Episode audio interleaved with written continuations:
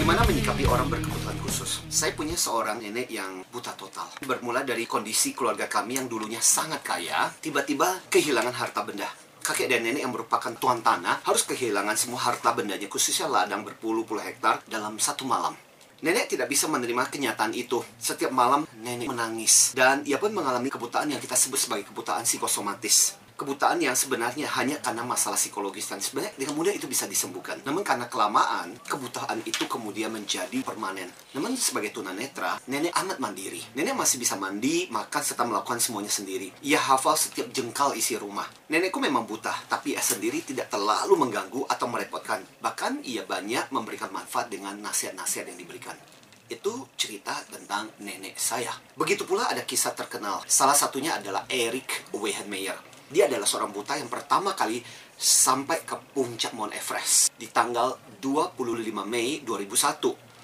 Mengenai kesuksesannya, Eric bahkan berkata, ketika saya buta di usia 13 tahun, saya sadar saya tidak akan bisa lagi bermain basket, bermain baseball yang aku sukai. Hal itu membuat aku mencari sesuatu yang berbeda yang diriku masih bisa lakukan dengan baik. Atau ada kisah Nick Fujisik, seorang pembicara motivasional terkemuka di dunia yang banyak dijadikan contoh.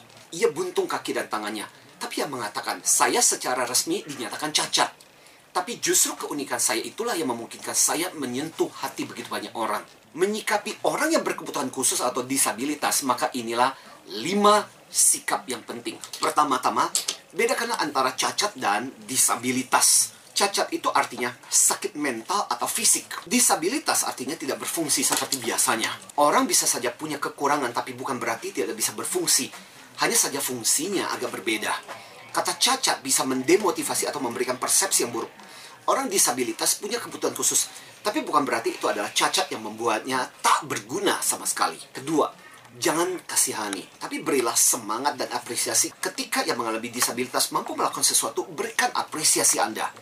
Nonton pertunjukan mereka dan berikan semangat bagi mereka. Ada kalimat menarik, kata-katamu dan sikapmu lebih berpengaruh besar bagi hidupku daripada cacat yang aku alami. Dan itulah kalimat yang keluar daripada penyandang disabilitas. Ketiga, tanyakan mereka. Tidak semua orang cacat butuh dikasihani. Karena itu ketika mau membantu mereka, tanyakan apakah mereka perlu dibantu. Ada yang justru merasa terganggu ketika kita berasumsi mereka tidak mampu melakukan apa pun dan berusaha untuk melakukan apa pun buatnya. Keempat, optimalkan kemampuan yang lain. Ingatlah banyak orang berkebutuhan khusus yang ternyata punya bakat yang luar biasa. Salah satunya contoh penyanyi Stevie Wonder.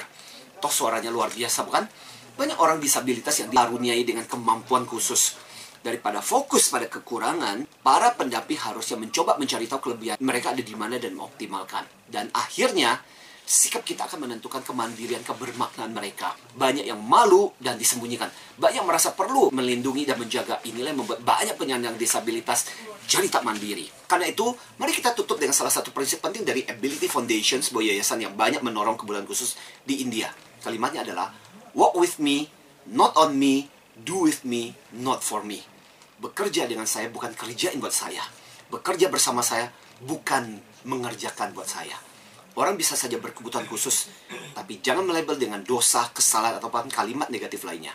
Tapi justru kuatkan dan semangati mereka supaya bisa berperan secara sempurna meskipun mereka punya kekurangan.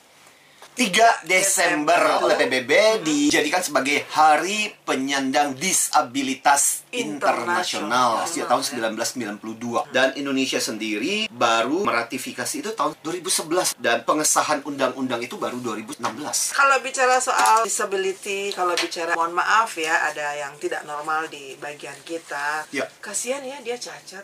Ih dia lulus loh mungkin lulus karena dia cacat kali. Ada aja komentar-komentar yang sering kita dengar tidak mengenakan sebenarnya.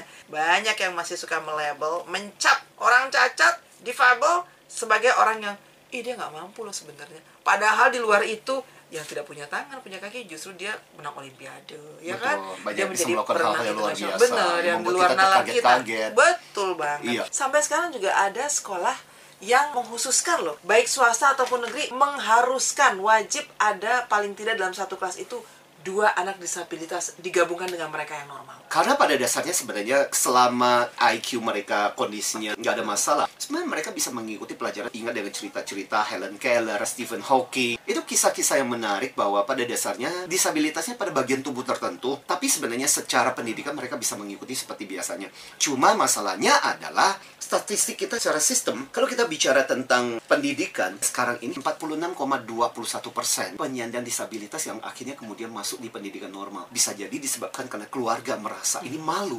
Lantas kemudian mereka, udah deh, jangan dikasih tahu, jangan diceritain, Ini disembunyikan. aib keluarga. Exactly, betul. Yes. Dan banyak orang mengaitkan disabilitas itu dengan dosa. Ya. Banyak mengaitkan dengan pasti kita punya kesalahan-kesalahan atau apa. Akhirnya berakibat ke anak kita. Betul. Mungkin ada sesuatu yang kita salah lakukan atau Yes. apa. Malah di Padahal beberapa budaya tertentu ada yang dikaitkan dengan ih jangan-jangan ini gara-gara pesugihan. Iya. Stigma seperti itu yang kemudian akhirnya menyebabkan anak-anak seperti itu kasihan. Mumpung ini bicara mengenai inspirasi IQ, ini kisah menarik. Suatu ketika telepon berdering, kering kering kering kering. Ketika diangkat itu adalah prajurit yang akan pulang dari medan perang. Di telepon bilang begini, "Ayah, Ibu, aku akan pulang dengan membawa seorang teman yang kakinya buntung." Ayah ibunya jawab, Izin "Aduh, dulu ya, nak, izin dulu." orang seperti itu pasti akan repotin. Udah deh, nggak usah lah, kamu pulang sendiri aja. Dan selang beberapa hari kemudian, si orang tua itu mendapatkan berita kalau anaknya yang prajurit ternyata sudah meninggal dengan bunuh diri. Waktu ditemukan, si anaknya itu dalam kondisi buntung kedua kakinya.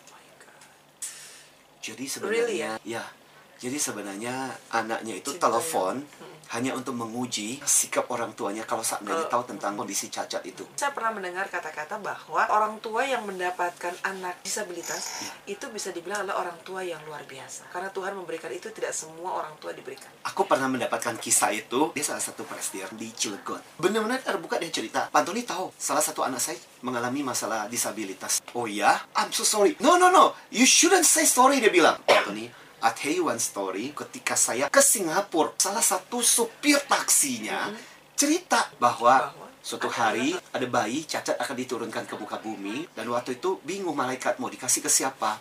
Tuhan cuma mengatakan anak yang cacat seperti ini hanya bisa dikasihkan kepada orang tua yang kuat dan tabah untuk bisa membesarkan mereka.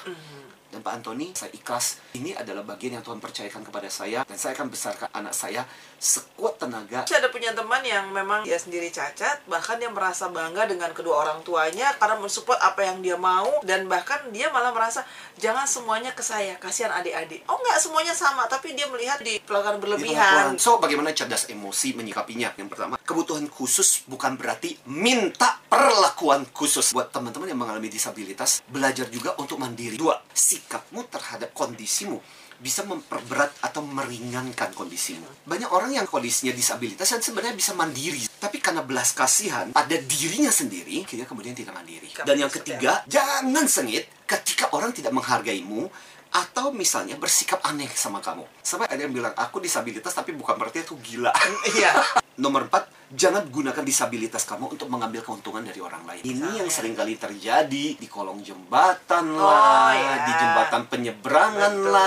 Itu akhirnya kemudian memperkental stigma orang terhadap disabilitas. Nomor lima, sikap dan kemandirian kamu itu akan membentukkan orang akan respect sama kamu. Dan keenam, justru karena kebutuhan khusus, ingat semakin besar peluang kamu untuk bisa menginspirasi orang. Ditambah kamu bisa melakukan hal yang umumnya bisa dilakukan orang-orang normal, akhirnya membuat orang semakin respect.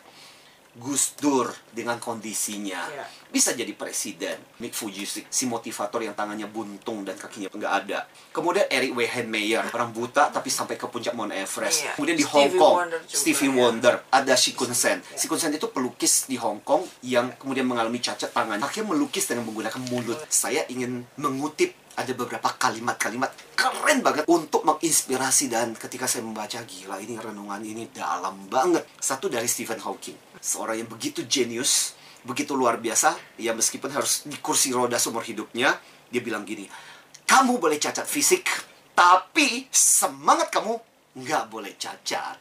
Yang kedua dari Christopher Reeve, pemeran Superman, seorang pahlawan adalah seorang yang tetap gigih dan berjuang apa pun kekurangan dan kelemahan pada kondisi dirinya. Again, dari Nick Fujisik, motivator yang kondisi tangan dan kakinya buntung. Ya. Saya secara resmi dinyatakan cacat.